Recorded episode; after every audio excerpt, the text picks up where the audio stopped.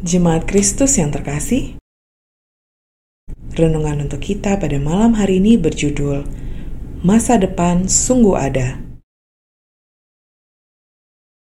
Dan bacaan kita diambil dari kitab Mazmur pasal 89 ayatnya yang ke-25 sampai dengan 30. Beginilah firman Tuhan.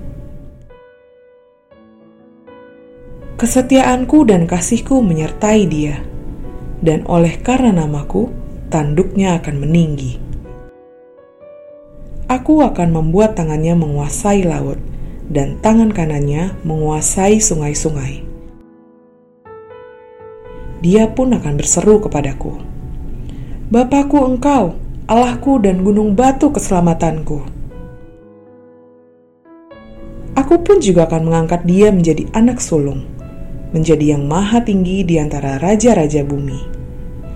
Aku akan memelihara kasih setiaku bagi dia untuk selama-lamanya, dan perjanjianku teguh bagi dia.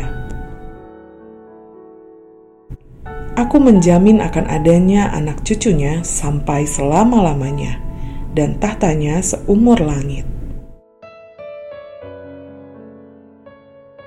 Saat kita melihat bahwa visi kita dapat kita capai, selalu dapat membuat semangat kita bertambah berkali lipat, atau setidaknya ketika apa yang sedang kita lakukan menuju ke arah yang benar dan memiliki progres yang baik.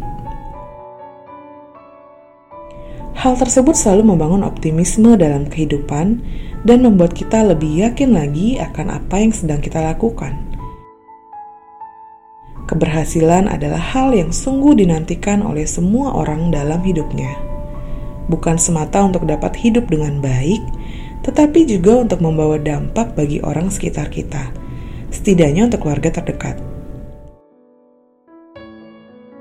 Sungguh berbahagia bila seseorang mengetahui tujuan hidupnya dan apa yang dilakukan saat ini adalah bagian dari rencana besar yang ia kerjakan. Terlebih bila itu semua berdasarkan apa yang dikendaki Allah.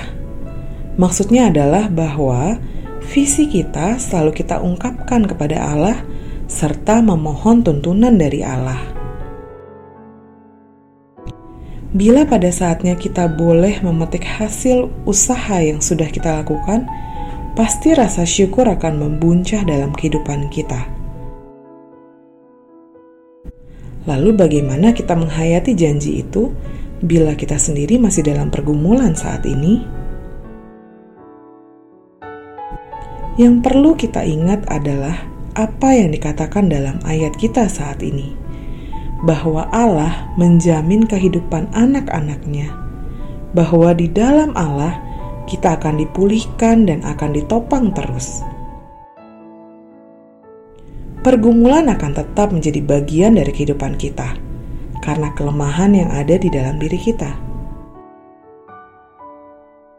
Yang terpenting adalah kita semakin menyadari bahwa dalam kerapuhan yang kita miliki, Allah yang Maha Kuasa mau merengkuh dan memberi kita masa depan.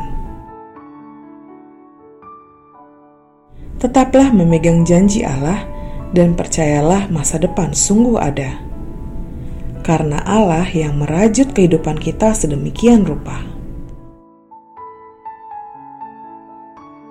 Demikianlah renungan pada malam hari ini.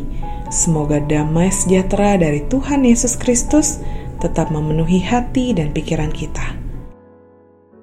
Amin. Jemaat yang terkasih, mari kita bersatu hati menaikkan pokok-pokok doa yang ada dalam gerakan doa 21 GKI Sarwa Indah. Mari kita berdoa.